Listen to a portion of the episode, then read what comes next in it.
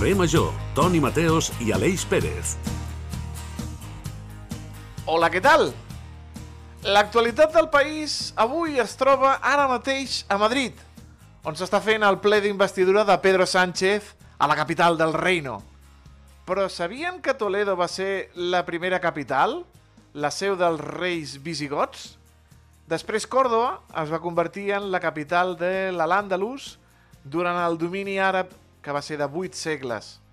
Madrid ha estat la capital des de 1561, quan el rei Felip II, Felipe Palito Palito, va prendre la decisió de traslladar la cort des de Toledo. Posteriorment, entre el 1601 i el 1606, la capitalitat va passar a Valladolid. Entre el 1729 i el 1733, la família real es va traslladar a Sevilla. Problemes amb diners.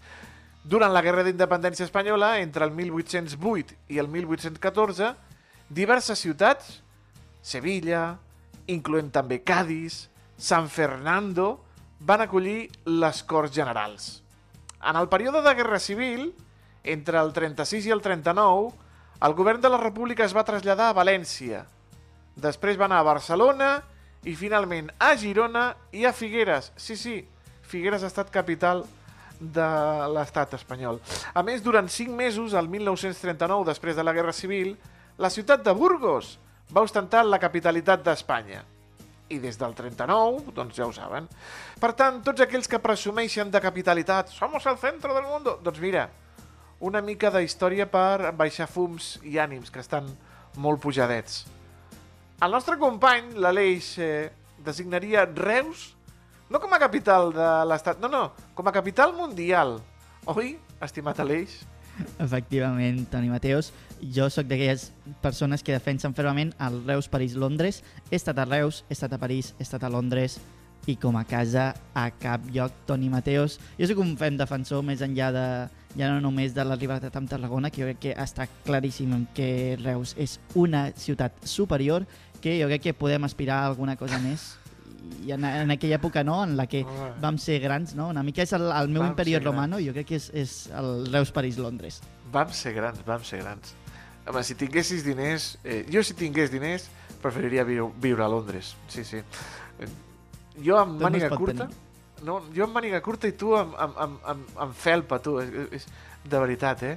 Com són, com són els jovents. Ja tens fred, al, eh, Aleix? Sí, sí, fa, fa fresc, eh? Avui- fa fresc. És que m'ha passat una cosa més, ho explico molt ràpid, eh? que, que he anat cap a casa i me n'he recordat que m'he deixat les claus a, a la redacció i per tant no he entrat a casa i he hagut de tornar i tot aquest passeig, doncs, òbviament, l'he fet amb de suadora perquè amb màniga curta, doncs, entre que estic constipat i que, i que sóc fredolic, doncs... No, no, Mare meva, mare meva, mare meva, capital mundial. Són 8 emissores i un munt de poblacions les que fem possible el carrer Major, com Ràdio Ciutat de Tarragona, Altafulla Ràdio, Ràdio Montblanc, Ràdio La Selva del Camp, Ona la Torre, la nova Ràdio de Reus, Ràdio Hospitalet de l'Infant i Baix Camp Ràdio. El nostre monarca és en Iago Moreno, que domina els controls i els volums. Benvinguts a la capital de la ràdio, que és el carrer Major.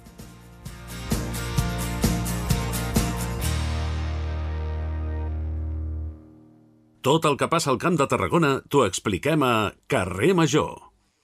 I és dimecres, eh, estimat Aleix. És, Saps què toca? Sí, sí sinònim de- d'un de, dels magnífics podcasts que fem aquí, a casa nostra, quilòmetre zero, aquí amb la gent de Carrer Major. Mira, avui parlarà... Eh, poden escoltar aquest podcast eh, d'aquesta setmana de veïns, dels companys de Ràdio Ciutat de Tarragona i sobretot de l'Adri Recassens. Avui coneixerem a Xavi Flor, que és Mister Tarragona 2023. El jove tarragoní confessa una dedicació al seu cos i al seu físic, tot i haver estat grassonet de petit, per obrir-se a oportunitats amb la seva imatge. No obstant, es mostra emprenedor i té la seva pròpia empresa, que res té a veure amb el món del modelatge i de la bellesa. Les atraccions d'oci infantil. Mira tu, com, com passa. Que curiós. Escoltem com sona i com comença el podcast d'aquesta setmana. Aquest és un nou capítol del podcast veïnal del Camp de Tarragona. Històries i protagonistes del nostre territori.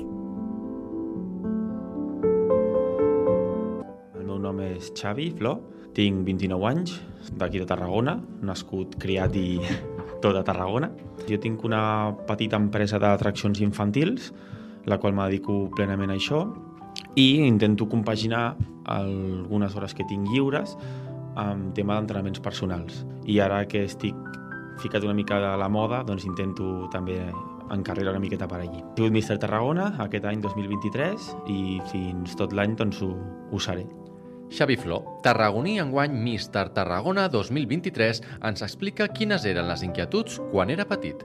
Jo de petitet mm, recordo mm, sobretot ser molt mal estudiant. Aleshores, a mi el que m'agradava molt era l'esport, el tema de, de ser fort, de córrer molt, d'estar de, jugant, i m'encantava jugar a tots els tipus d'esport.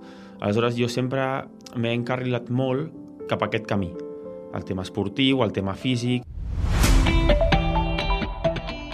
Històries, vides, trajectòries, anècdotes. Els nostres barris, carrers, places, municipis, pobles i ciutats compten amb un grapat de veïns i veïnes rellevants per una cosa o altra. El podcast veïnal de Carrer Major, el programa de les 8 ràdios de la xarxa al Camp de Tarragona, ens fa descobrir aquests perfils del territori cada setmana amb Adrià Requesens.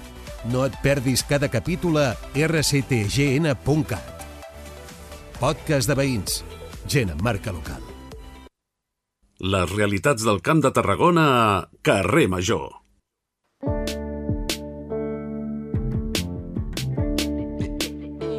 Doctor, Su hijo está flaco. le noto extraño. Atibórrelo. No quiero más puré, qué rica la tortilla, apártame lo rojo de la ensalada. Su hijo está flaco, atibórrelo. Eh, Guille Mena, bon, bon dia. Què tal? Molt bon dia. Molt bon dia, Toni. Eh, su hijo está flaco, atibórrelo. No és una bona opció, no, aquesta, Guille? Ai, mare meva, aquestes frases no, que abans semblava que no, que no podrien provocar ningú problema i tenint en compte ara la quantitat de problemes de trastorns de conducta alimentària i de bullying que hi ha per al tema dels estereotips corporals. Mira, no hi ha, hi ha una cosa que no em faci més ràbia que em diguin a mi, d'acord? Que és que, di, que em diguin, ai, que prim que estàs, jo vull estar com tu. D'acord? Uh -huh. És a dir, jo perquè m'agrado molt al mirall. Però i si en realitat no m'agradés i a tu t'estan dient que prim que estàs, jo vull estar com tu. Aquesta persona encara l'enfonses més. Ja, ja. No t'ho fixat, t'ho fixat. És I veritat. aquestes frases, bueno, són típiques de àvies, no? També. El niño hasta que no está con un sobrepeso no está bien. No, no, està... Té cara, té cara de malalt. Exacte, exacte. Sí, sí, són d'aquelles de... Eh, jo recordo que eh, deien, quan veies un, a un nadó, Sí. dius, bueno, en el, en el cas dels nadons, però quan el, el veus allò en el pes correcte, en el pes ideal, un bebè, dius, ai, fa com a llàstima. I en canvi si el veus grassonet, amb aquelles xitxes, amb, amb, aquells, amb aquelles lorzes que li sobresurten, diu, oh, que bé et menja el nen, que bé et menja el nen, Total. no? I, Bueno, i abans a les classes havia el gordito. sí, Ara a les home. classes ah, no és que hi hagi el gordito, és que hi ha uns quantos, amb tot el bon sentit i carinyo de la paraula, eh? Sí, sí, sí, sí, sí, sí, sí. Ha canviat molt la societat, eh? Sí, sí, però no sé si cap a bé. No, també, hem dit que ha canviat la societat, no hem dit cap a on, si cap a bé, si cap a malament, o, o, cap, a, o cap a diversos llocs. Déu-n'hi-do, déu nhi déu Sí, sí, i, i, i no deien el flaquito, ara sí que abans era el gordito, però no deien el flaquito, i, i ara, doncs mira, eh, com has comentat tu, no? M'agradaria estar com tu, que et veus molt prim, però i si el que veus tu al mirall no t'agrada?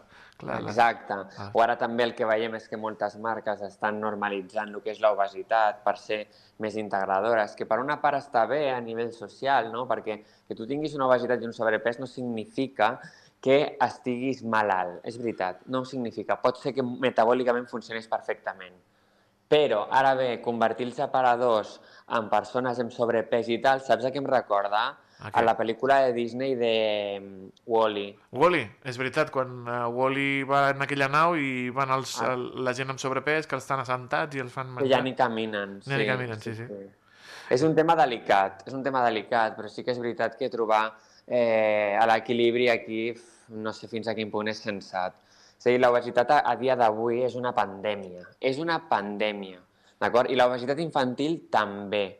I estem líders a nivell mundial en Espanya. Aleshores, clar, fer aquest pas a nivell dels aparadors no sé si és una bona opció, tenint en compte de que de les principals malalties que hi han, la gran majoria a través d'una bona alimentació es podrien evitar. I la gran majoria de problemes de sobrepès i obesitat es podrien evitar amb un estil de vida correcte. Aleshores, jo entenc eh, que es vulgui defensar a la persona que metabòlicament està bé i té obesitat, uh -huh. però és que no és el principal, no és l'objecte d'estudi. L'objecte d'estudi és els hospitals que estan sobrecarregats de gent que tenen problemes associats a l'obesitat i que això es podria evitar. Aquesta és la meva opinió, encara que sigui una miqueta dura i estricta. No, no, és, és la teva opinió que potser molts dels nostres oients comparteixen i, i molts pensen així, perquè dius, ai, es va ficar de moda les, les models curvins, com, com li dèiem, les models Sí. XL, que dius, molt bé, està molt bé, que siguin supermodels, que rebin molts diners. No, són molt guapes, sí, no? són no té guapíssimes, a són guapíssimes, no tenen res a veure però potser la seva salut no és la, la més adequada, no? El seu estat de salut no és el més adequat. Podria ser, podria ser. Però aleshores, si opines d'aquesta manera, et transformes en una persona amb gordofòbia, i no és així. No, no, no, no, nosaltres no estem parlant de, de gordofòbia ni res. Sen... No, però vull dir que et posen l'etiqueta. Sí, sí, sí, sí, sí. Llegia aquests dies, Guille, que eh, el, el menjar precuinat eh, està... Aquests dies que cele- se celebrava la, el, els dies de la dieta mediterrània, aquesta setmana, Sí. eh, clar, eh, el menjar precuinat eh, és el que està acabant amb, amb aquesta dieta, perquè és el més còmode, el més barat, el més econòmic. Quan vas al supermercat ja compres una lasanya preparada, una carn preparada, uns eh, fideus preparats, una Sí. paella, un arròs preparat, tot preparat, eh, que ja ha estat precuinat, que només necessites escalfar-lo al microones dos minuts i a Mm. dinar. I no és la... la... Doncs mira, saps què, saps què dic sobre això? Que anem a posar-hi solució. Què vol dir solució? Està clar que l'estil de vida de les persones ha canviat. És a dir, ara mateix vaig a posar una família normal i corrent, normal i corrent, no? a, a nivell estadístic. Vinga. Ara, és veritat que eh, els avis no sempre estan per cuidar dels nets. Això és un punt. Hem de tindre en compte també que moltes parelles també ara estan separades. Això també s'ha de tenir en compte. I per altra banda, la dona, el paper de la dona ha canviat moltíssim, perquè abans la dona ja sabeu que era diosa, todopoderosa, ama de casa, i ara no és així. Hi ha aquesta opció, igual que amb l'home, però ara normalment les dones també treballen. Per tant, hi ha una limitació que recau sobre el temps. Aleshores, aleshores, quina és la facilitat que jo crec que dona la indústria alimentària amb els menjars preparats? És de tindre una eina que hem de saber utilitzar. És a dir, sense perdre la cuina, sense perdre aquesta, aquesta dieta que ens caracteritza, que està plena de beneficis, sobretot a nivell cardiovasculars i allunyant diferents tipus de càncer, que és la dieta mediterrània, el que podem fer és combinar. És a dir, poso el meu exemple, em poso com a exemple. La meva parella i jo, en el nostre dia a dia, utilitzem més aviat producte que el podem bé, a veure, l'hem congelat o el podem tindre a la nevera, Mhm. d'acord? Poso, per exemple, no? verdures congelades que ja estan fetes amb sanfaina, Sí, vale? O, o, o ceba que ja està trossejada, correcte. i està clar, està clar que l'ideal seria nosaltres agafar la ceba, tallar-la a trossos, fer un brunoise, fer un sofregit, no? Però sí que és veritat que aquesta part de cuina la deixem pel cap de setmana. Sí. I al dia a dia intentem tirar de tàpers cuinats de, plat, de cap de setmana o bé de preparacions saludables que existeixen i hi ha molta varietat que podem utilitzar amb més facilitat. I poso l'exemple d'ahir mateix. Ahir mateix sí que vam agafar producte fresc. Mira, amb una paella, uns espàrrecs tra, tra, eh, talladets, saltejats, amb la ceba congelada a l'all congelat, quatre ous eh, sense fer remenat, una miqueta de sal, una miqueta de pebre, i ja teníem aquí el, el plat principal. I de primer vam fer una crema precuinada. Per què? Perquè no ens ho permetia el temps. Aleshores, està clar que tu pots fer la crema de verdures. Tal. Nosaltres fem al cap de setmana i fem la recepta tradicional, anem a comprar al mercat, que fem un producte eh, passejant que també és com una miqueta així d'oci. Però al dia a dia no. I aleshores què fem? Mira el llistat d'ingredients i aleshores tu, si estàs agafant una crema de pastanaga o de carbassa, doncs saps que el llistat d'ingredients que ho ha ordenat de més quantitat a menys ha de tindre carbassa, pastanaga, oli d'oliva i sal. Per començar, Punt. per començar. si, si la carbassa no hi és present eh, com, a primer, com a primer element, dius, ui, ui, ui. Pot ser, però tu pots trobar. Sí, no, clar, clar, és clar, pots trobar coses rares. Lectura. Lectura d'etiqueta, és importantíssim. Vull dir que jo no sóc un, un detractor del menjar precuinat. Ara sí que és veritat que una miqueta d'ull, una miqueta d'ull, perquè sí que és veritat que te pots trobar grans barbaritats. Hay, hay plátano pelado envasado en plàstico. Home, bona tarda, vols dir que fa cal? I hi ha, hi ha eh, coses, eh, vaig veure, no sé si és cert, però ous ferrats eh, envasats. Sí, Ho vas veure tu també, eh, que va Sí. córrer aquella imatge per Twitter. Sí, no passa res, és del Mercadona. És que no... Però ous ferrats, amb lo fàcil que és fer un ou ferrat. I és bo, al moment, Exacte, al moment. exacte, no, no res, i, i, i, i te'l pots menjar al moment. O, o, i, ja el venen preparat i per calentar, per escalfar, i, i, i dius, i llestos. Però per l'amor de Déu, escalfa una mica d'oli amb una paella, Hi ha llença... molta gent, Sí, sí, hi sí. ha molta gent, Toni, que ens està venint a la consulta no per fer un tractament dietètic, sinó per únicament fer una visita d'organització de menú. És boníssima aquesta, perquè tu quan tens el menú organitzat, que va en funció del, del teu poder adqu- adquisitiu, moltes vegades estalvies, tens les preparacions i saps que menges saludable, ja està. És com, oi, mira, una cosa menys. Que et van a la, a, la- a la, a la consulta a, consulta, que els hi facis sí. tu el, el menú. Clar, que el menú amb llista de la compra, en funció del seu poder adquisitiu i els seus gustos, i aleshores és com si passessis una ITV de per vida, perquè ja saps que allò, saps que faràs, és correcte, és saludable, et va bé per tu a nivell personalitzat, i, i no venen les persones pues, a, a perdre pes, a guanyar múscul, no, no, venen a això. Yo quiero saber si lo que estoy haciendo lo estoy haciendo bien, y si no, que me digas cómo. Em fa gràcia... Brutal. Uh -huh. Em fa gràcia el del poder adquisitiu. És important, no?, també, el poder adquisitiu per fer un, un llistat diferent. Bueno, és bàsic, clar, és bàsic. Perquè tu a una persona no, potser no li pots incloure marisc a la setmana. Ja. O al mes, clar, t'has d'adaptar i potser has de tirar més de congelat que tampoc passa res, però sí, sí que és determinant.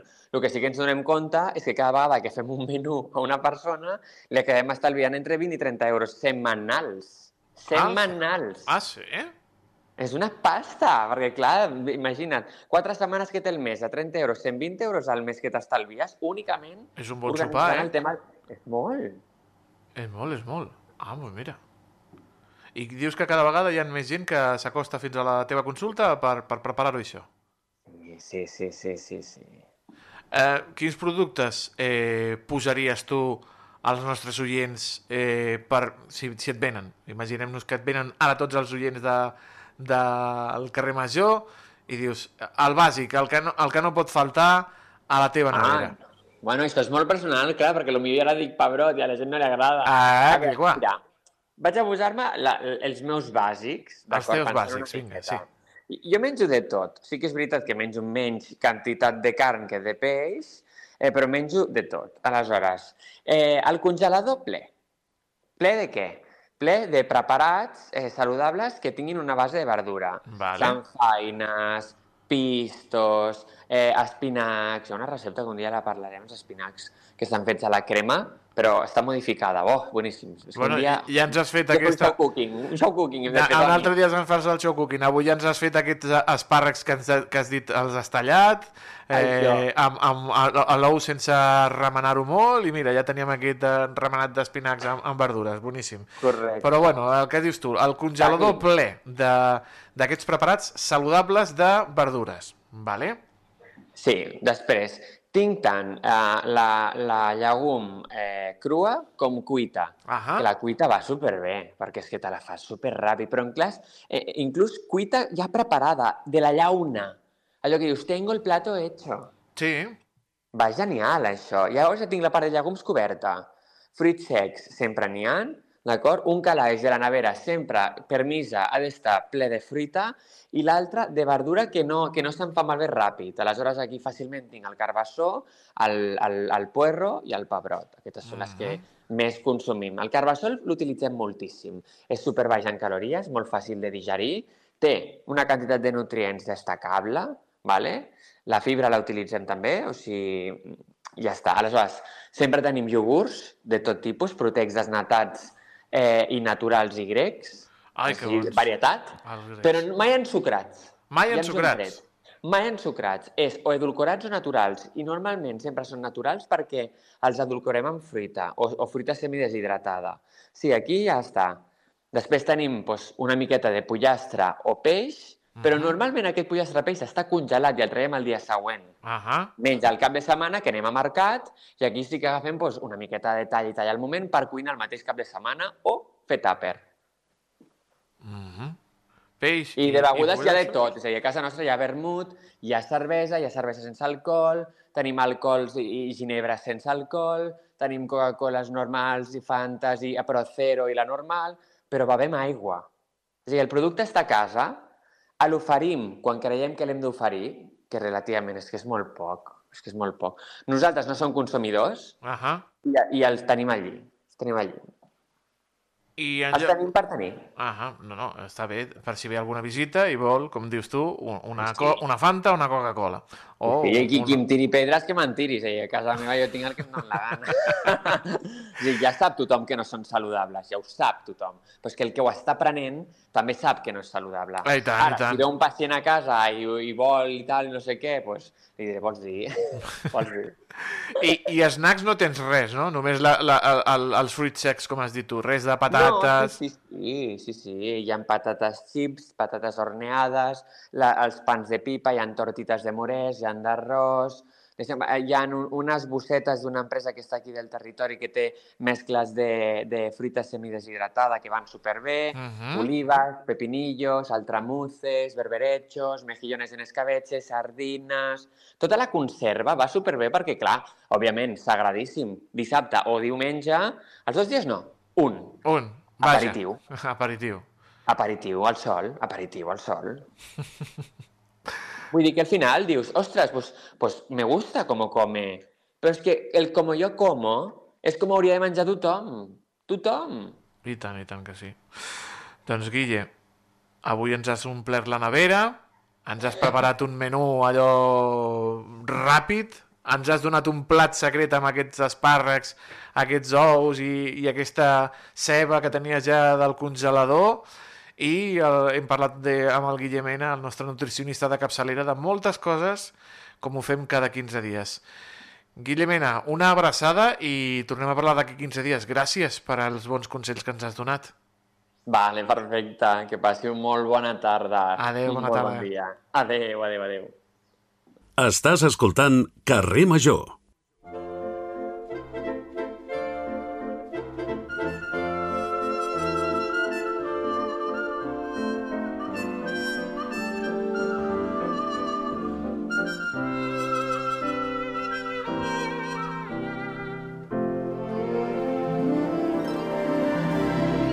Que bonica cançó. El REC, amics i amigues, escalfa motors. El Festival Internacional de Cinema de Tarragona arriba a la seva 23a edició, que celebrarà del 22 al 26 de novembre a la capital tarragonina, però per diferents espais, com el Teatre Metropol, el Teatre Tarragona, el Teatret del Serrallo, l'Espai Jove Quesse, el Museu d'Art Modern de Tarragona i el Caixa Fòrum. Un festival pensat per donar a conèixer el talent emergent al món del setè art. Per donar-nos més detalls, tenim els estudis de la nova Ràdio de Reus a la senyora Eva Vallès, directora executiva del festival i a la qual saludem. Senyora Vallès, molt bona tarda. Hola, molt bona tarda. Què han après de les 22 edicions anteriors, senyora Vallès, del REC? Doncs hem après que val la pena fer-ne una 23ena i una 24ena i així continuar perquè val molt la pena eh, mostrar el, el cinema a la ciutat de Tarragona i a tota la demarcació en llocs on no sempre arriba un cinema d'autor, un cinema diferent i un cinema que no es troba normalment a les grans sales. El REC en aquest temps s'ha convertit eh, com el festival de referència amb aquestes 23 edicions, com hem dit. Uh -huh. És potser, la senyora Vallès, la diversific diversificació d'espais i l'aposta pel talent emergent, la seva essència i el seu segell característic del REC? Sí, el tema del, del, de l'aposta pel talent emergent, per suposat, és, és el nostre fil conductor en totes les edicions. La nostra via principal és l'òpera prima, és a dir, són aquelles primeres, màxim les segones pel·lícules, llargmetratges d'autors internacionals que venen a, a la ciutat i sí, és, és, sí que és cert que durant un temps vam estar a l'antiga audiència, estàvem sempre al mateix espai, ja fa com un parell o tres d'anys que vam fer una aposta nova també per diversificar aquests espais, per obrir-nos a la ciutat i per estar a diferents llocs.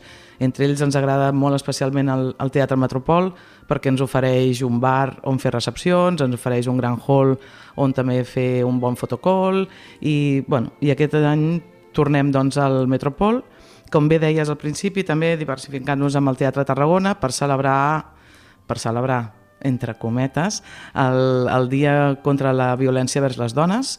Vale? Per això fem una edició especial al 25N, al Teatre Tarragona.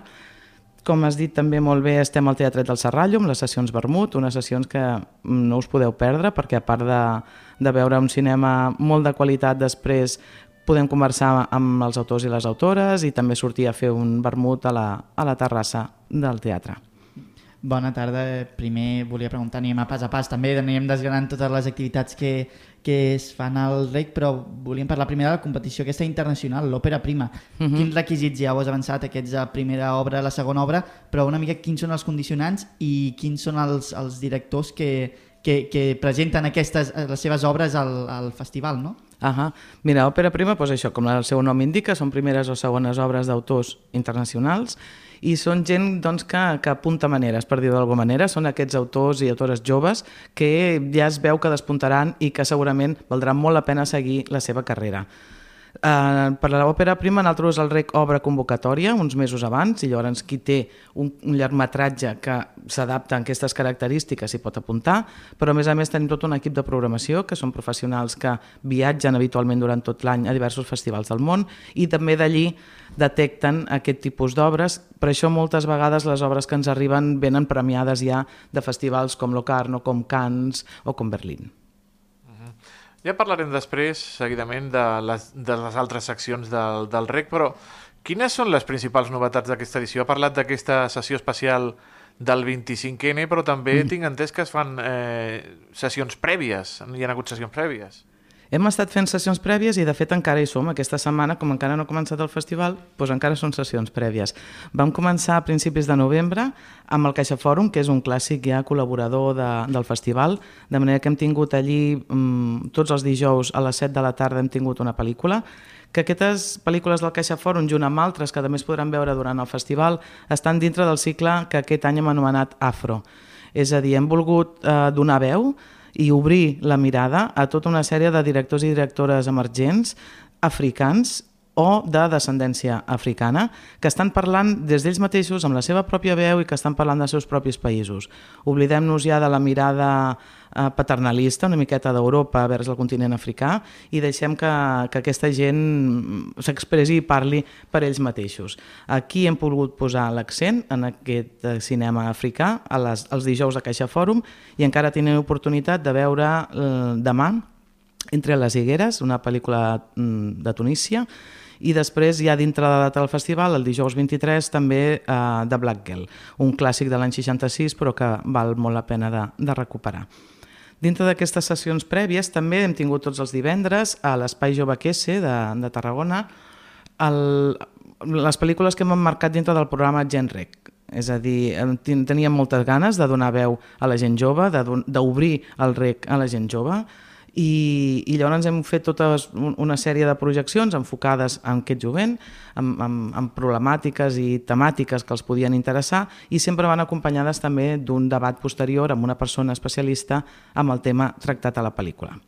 Jo segueixo, eh? Sí, si no, no, em talleu, sí. jo ja veus que no... Jo continuo, eh? No, no, ah, volia aprofitar per, per, per, per, per, no passar ja del tema de tot aquest paper no, que tenen els joves de, de, del Camp de Tarragona, de Tarragona concretament, també en el, el, el programa, si no m'equivoco, joves, eh, joves programadors, uh Mhm. -huh. que és una cosa que m'ha cridat molt l'atenció perquè que realment és una, és una iniciativa única al territori.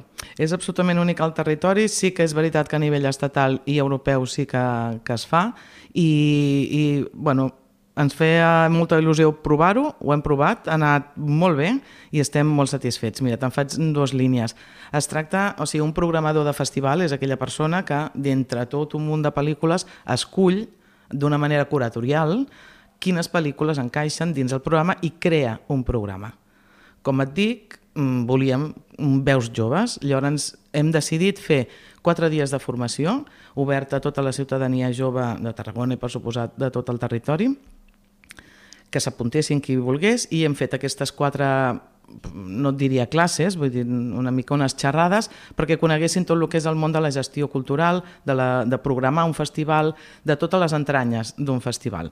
A partir d'aquí també els hem donat uns deures, els hem donat una sèrie de pel·lícules a veure i ells les han vist i a partir d'aquí han fet un petit programa que s'inclou dintre de la programació oficial del festival.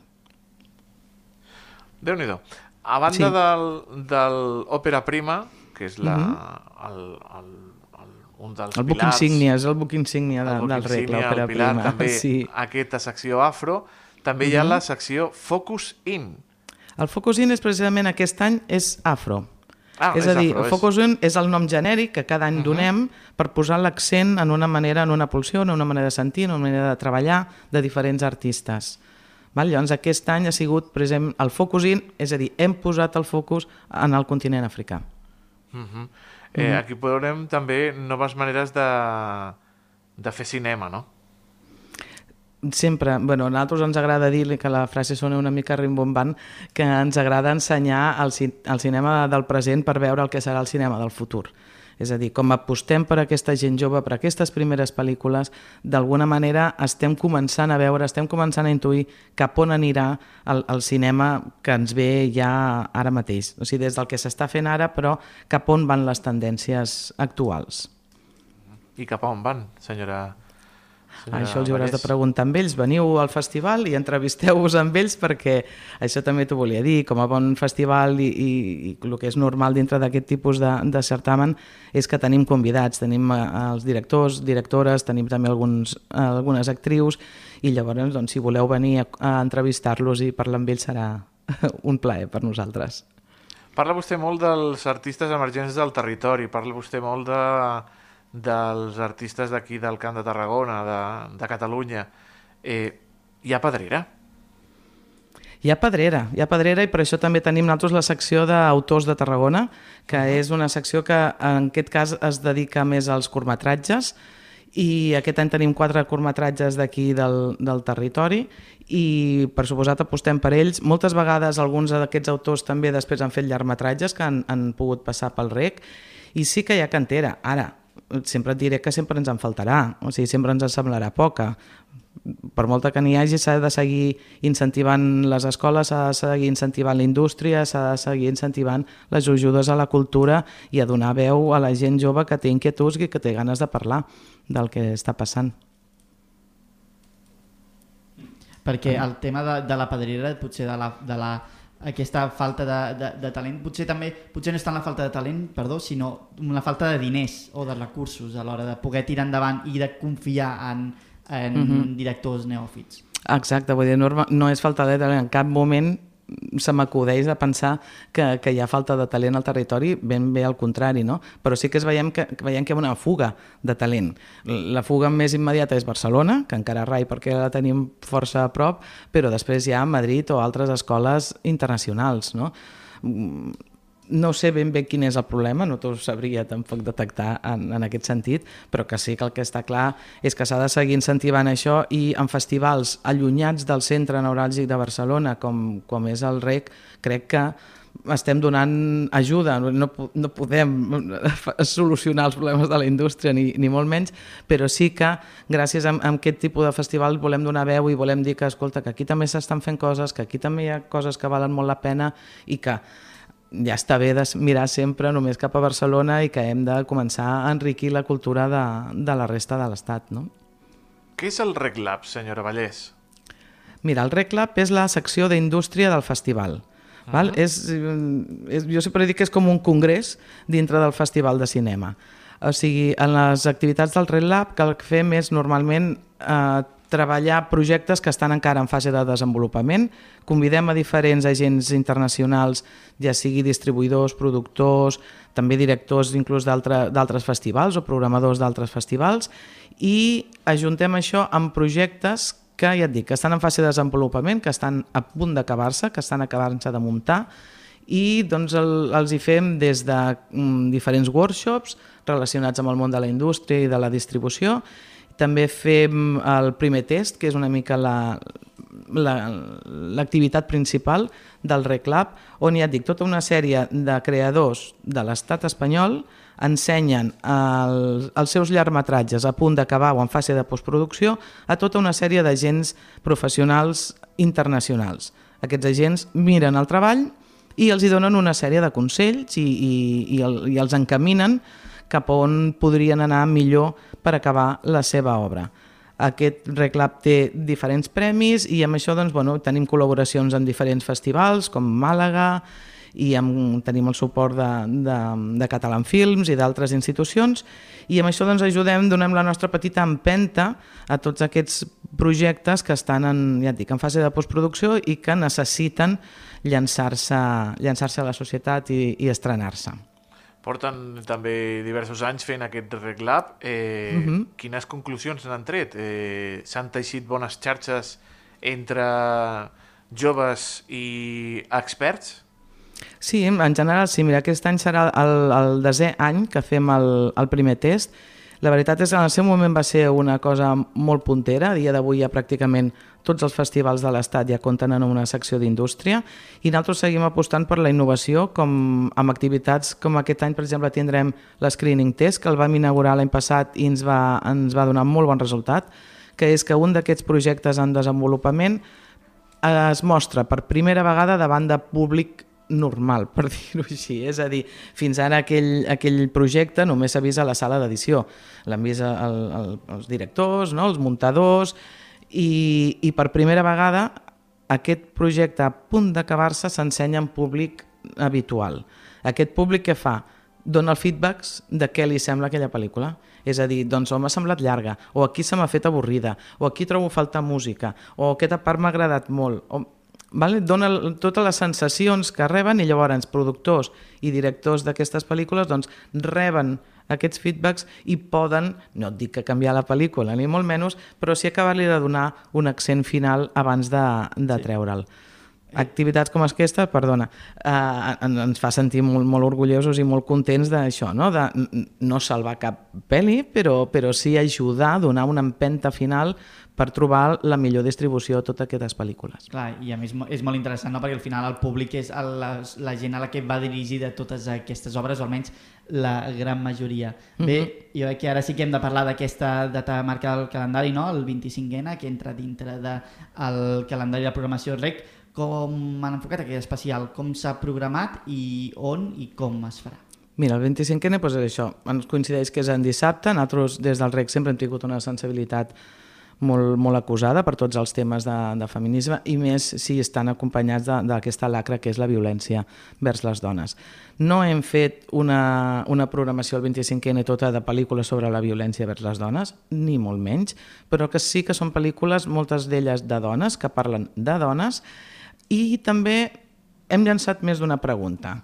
És a dir, més que respostes, diguem que aquest 25N està carregat de preguntes amb les pel·lícules que presentem, alguna sí que parla com la, mm, ara la llum cau vertical, que estarà a la sessió vermut del dia 25, sí que parla directament de la violència masclista, però després altres pel·lícules com The Limits of Consent, el títol ja comença a, a explicar-nos coses i bueno, us, us convido molt especialment que vingueu a veure perquè és una pel·lícula interactiva.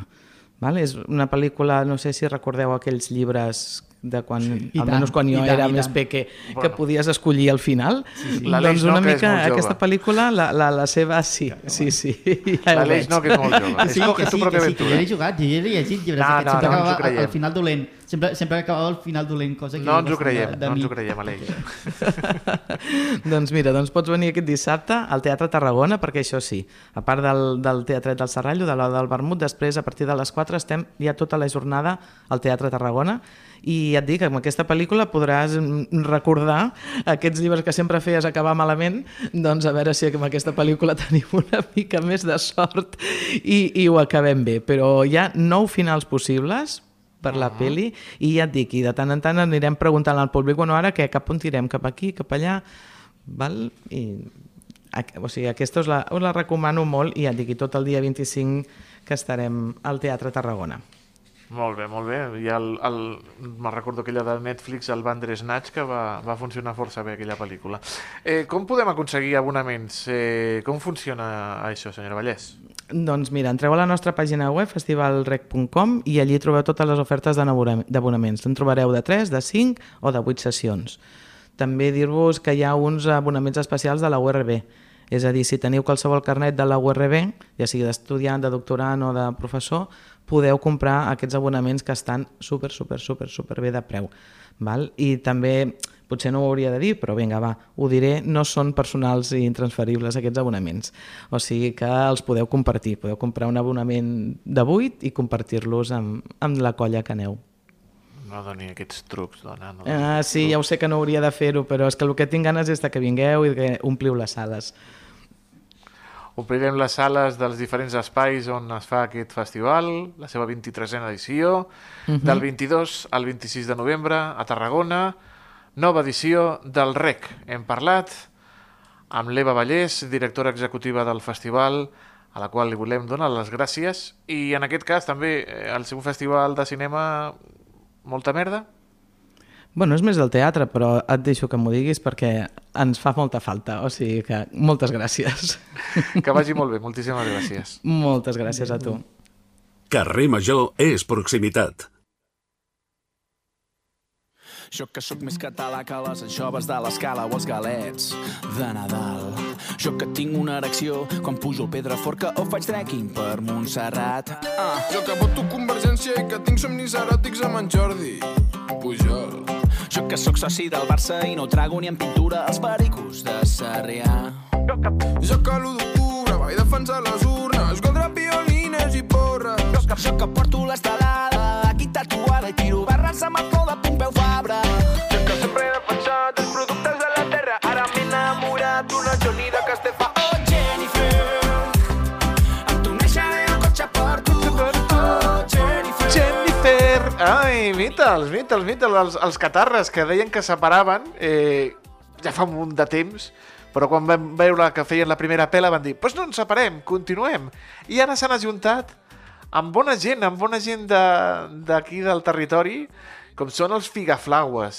Eh, mare de Déu senyor, ho ha demanat la nostra companya, l'Anna Plaça, a veure si el David Fernández podia fer la banda sonora avui amb els Figaflaues i els Catarres, i han estat els seus desitjos fets realitats. David Fernández, bona tarda, estimat. Hola Toni, hola Aleix, molt bona tarda. Sí, sí, la cançó aquesta d'avui no ens hem tornat bojos, estem parlant d'una banda sonora relacionada amb el Camp de Tarragona i ara us explicarem per què.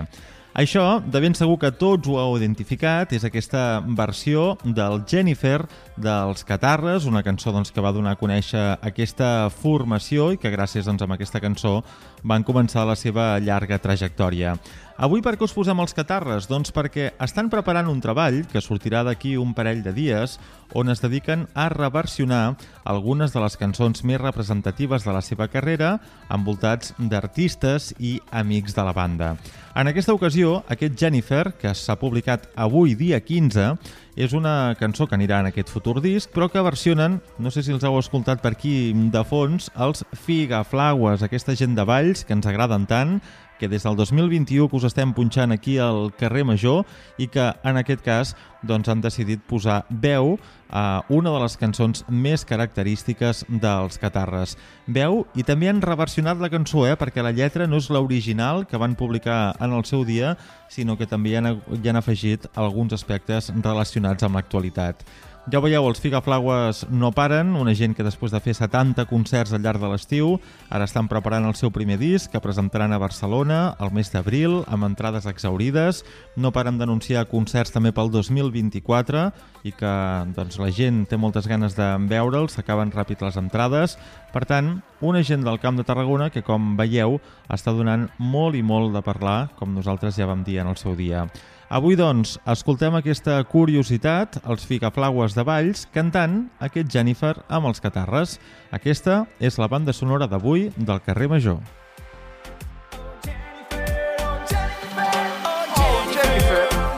Fantàstica la selecció avui del David i de Jennifer. Eh, aquesta no és una Choni de Castefa, no, no, no. És la No, nostra estimada no, no. Cristina Artacho, la conductora de la furgoneta, que avui se'n va cap a Reus, eh, a l'Eix, eh, per parlar de l'exposició Papaluna, Pontífex d'Avinyó, senyor de Reus. Anem a veure què ens explica la Cristina. Bona tarda.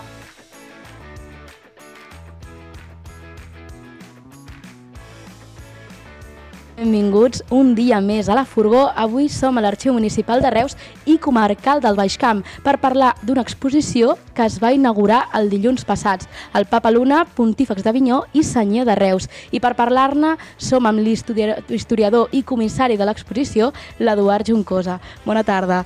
Què tal, com estàs? Bona tarda, Cristina. Molt bé, molt content de tenir-vos aquí. Després podem parlar exactament de què es tracta aquesta exposició, però a mi m'interessa molt saber com sorgeix tota aquesta idea i com s'arriba a tenir ara eh, tota aquesta informació aquí a l'arxiu. Mira, al llarg d'aquest any es commemora el 600 aniversari de la mort del papa Luna. Llavors eh, m'havien encarregat participar en diverses activitats, per exemple una macroexposició que es va fer a Saragossa la primera part de l'any, a la Institució Fernando el Católico per unes conferències de novetats historiogràfiques, eh, en van convidar també temes de Peníscola, Illueca, tots els llocs on hi ha hagut vinculació de la figura i el territori, i en canvi encara no s'havia fet res a Reus d'on va ser senyor feudal, i és el títol que té dels primers que té i de l'últim que se'n desprèn. Llavors vaig pensar que era una bona ocasió per reunir-me amb la regidoria de Bon Govern, Transparència i Participació, amb la senyora Montserrat Flores, i proposar si l'arxiu, tant el municipal com el comarcal, es podien implicar en una activitat que fos una mostra de la documentació i bibliografia que tenim al voltant d'aquesta figura tan, tan interessant. Llavors també s'hi va relacionar el centre de lectura, que s'ha dit una sèrie de volums, i vam pensar que totes aquestes institucions podien generar unes sinergies que, a més a més d'això, el temps que durés l'exposició, poguessin donar lloc a unes conferències a tres nivells. Un nivell més global de la figura, del seu temps, del context en què visqué, una segona dedicada a la figura en perspectiva política i la relació amb el territori més ampli, regional, i després una participació de la figura en l'ens local, o sigui, tot el que implica ell com a senyor de la vila de Reus. I això va sigut una mica el resultat que teniu en aquesta exposició i el que tindrem en aquestes setmanes en el cicle de conferències. I si parlem de l'exposició en concret, exactament aquí a l'arxiu, quina informació podem trobar? Què hi podem veure? El primer que he de dir és que no és exhaustiu. Primer perquè hi ha un espai limitat i segon perquè encara hi ha marge de recerca. O sigui, no s'ha descobert tot i això també pot animar a noves persones que es puguin interessar en la figura a formar-se i poder entendre què ens està dient aquests documents que semblen encriptats i hem d'aprendre a llegir i interpretar correctament, que això és el que ens forma els historiadors professionals. No? A, a nivell de documentació he seleccionat les peces que em semblaven més interessants. El punt de partida és un llibre de l'Ezequiel Gord, que és un doctor que va ser arxiver d'aquesta casa, eh, que a l'any 87 va publicar sobre Benet XIII en relació amb el senyoriu de Reus. I a partir d'aquí es van trobar uns documents que van servir com a punt de partida i, a part... i anar obrint el marc, el ventall, que han sortit noves dades i nova informació arran de la recerca d'aquests últims mesos. El que s'exposa és eh, tres tipologies fonamentals de documentació. D'una banda tenim eh, protocols notarials, De l'altra banda tenim llibres del comú, de comptes, o sigui, el tema de la gestió municipal del municipi, i després eh, una sèrie de selecció de pergamins del fons municipal. A nivell dels protocols notarials, tenim dades des del primer, del primer dia que passa a ser cambrer de Tarragona, això ho hem d'explicar. O sigui, d'entre les dignitats del capítol de la Catedral de Tarragona, una de les figures és el cambrer. Aquest títol eh, automàticament comportava senyorius eh, jurisdiccionals territorials, eh, senyorius eh, en diferents punts del camp, i entre els quals hi ha la vila de Reus. O sigui, el fet de ser cambrer de Tarragona suposava que passaves a ser automàticament el senyor feudal de Reus. Fins al temps del Papa Luna hi havia dos senyors a Reus, hi havia el cambrer i el caslà. La importància del Papa Luna és que ell va comprar els drets de la caslania i va fondre el doble senyoriu en un únic senyoriu. Per tant, a partir del moment del Papa Luna passa a tenir Reus només un senyor feudal, que en aquest cas serà ell i després els que vinguin després. Uh, ens trobem documentació extraordinària, com per exemple tota una nòmina dels caps de casa de la vila, que són homes i també vídues que gestionen patrimonis familiars, que li juren fidelitat i homenatge al nou senyor. En aquest cas a través de procurador, perquè en aquell moment ell no hi és aquí, però té un procurador que rep aquest jurament de fidelitat i homenatge dels vilatans. Després, eh, diversos documents que ens mostren com funcionava la gestió del dia a dia d'aquest senyoriu. I després, a nivell dels llibres de comptes, ens trobem de dades molt, molt interessants. Per exemple, són llibres fragmentaris, no tenim tota la sèrie cronològica sencera, però pels que tenim, sabem, 1403 és un llibre que a la mateixa portada ja trobem una cosa interessantíssima, que és la representació de la rosa, l'escut municipal, encapçalada amb una creu patriarcal, és aquest símbol papal, eh, on ens parla de que Reus fa unes festades. I aquestes festes es fan per, per celebrar l'alliberament del papa del Palau d'Avinyó. Allà havia estat pres durant un temps, se'l va alliberar i la ciutat, la vila, respon amb unes festes. I aquestes festes les tenim no documentades a nivell cronístic, o sigui, explicant-nos tots els detalls, sinó a nivell de gestió econòmica. Paguem tants sous o tants diners a tal persona perquè ha tocat unes trompetes per a la festa de Nostre Senyor lo Papa. O sigui, doncs això ho anem veient en tot aquest volum de 1403. El 1411, què és interessant aquest segon volum? Perquè ens demostra la presència del papa com a tal a la vila. Eh, sabem que hi ha sigut l'any 1410. No tenim el llibre del 10, que ens donaria molta més informació, per desgràcia. El de l'11 encara té seqüeles, com per exemple el fet de pagar l'allotjament dels homes d'armes del papa a la vila de Reus. I això ens demostra que aquí hi ha sigut. Eh, sabem que aquell any també va estar a Tarragona.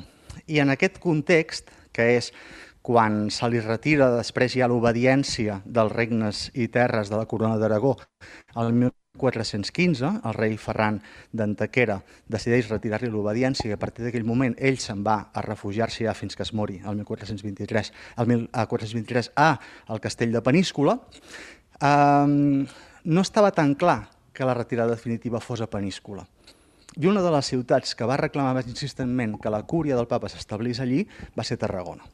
Això és una cosa que havia descobert en el moment que vaig estudiar la tesi doctoral. Doncs en tot aquest context és el que va sortint en aquesta anàlisi de documentació. I a nivell dels pergamins en tenim de diversos tipologies, un dels quals, 1390, ell encara no és papa, eh, ho serà el 94, és cardenal i legat, eh, i en presència a la vila de Reus, al castell del Cambrer, rep eh, les peticions o súpliques dels vilatans. Totes aquestes súpliques encaminades cap a millorar el govern municipal. I llavors també tenim la resposta del senyor a aquestes súpliques de la, de la municipalitat. Tenim una eh, translació, un transsumpte, que és una còpia eh, fidedigna, de la Carta de Població de 1186. O sigui, en temps del Papa Luna, uns segles després, es reafirmen aquelles franqueses, privilegis que s'havien donat inicialment a la vila quan es funda a l'època medieval. I després butlles relatives a qüestions beneficials. I aquestes butlles, l'interès que tenen és que encara mantenen la butlla, que és el segell que dona nom a tot el document. Una mica és això el resum de la documentació.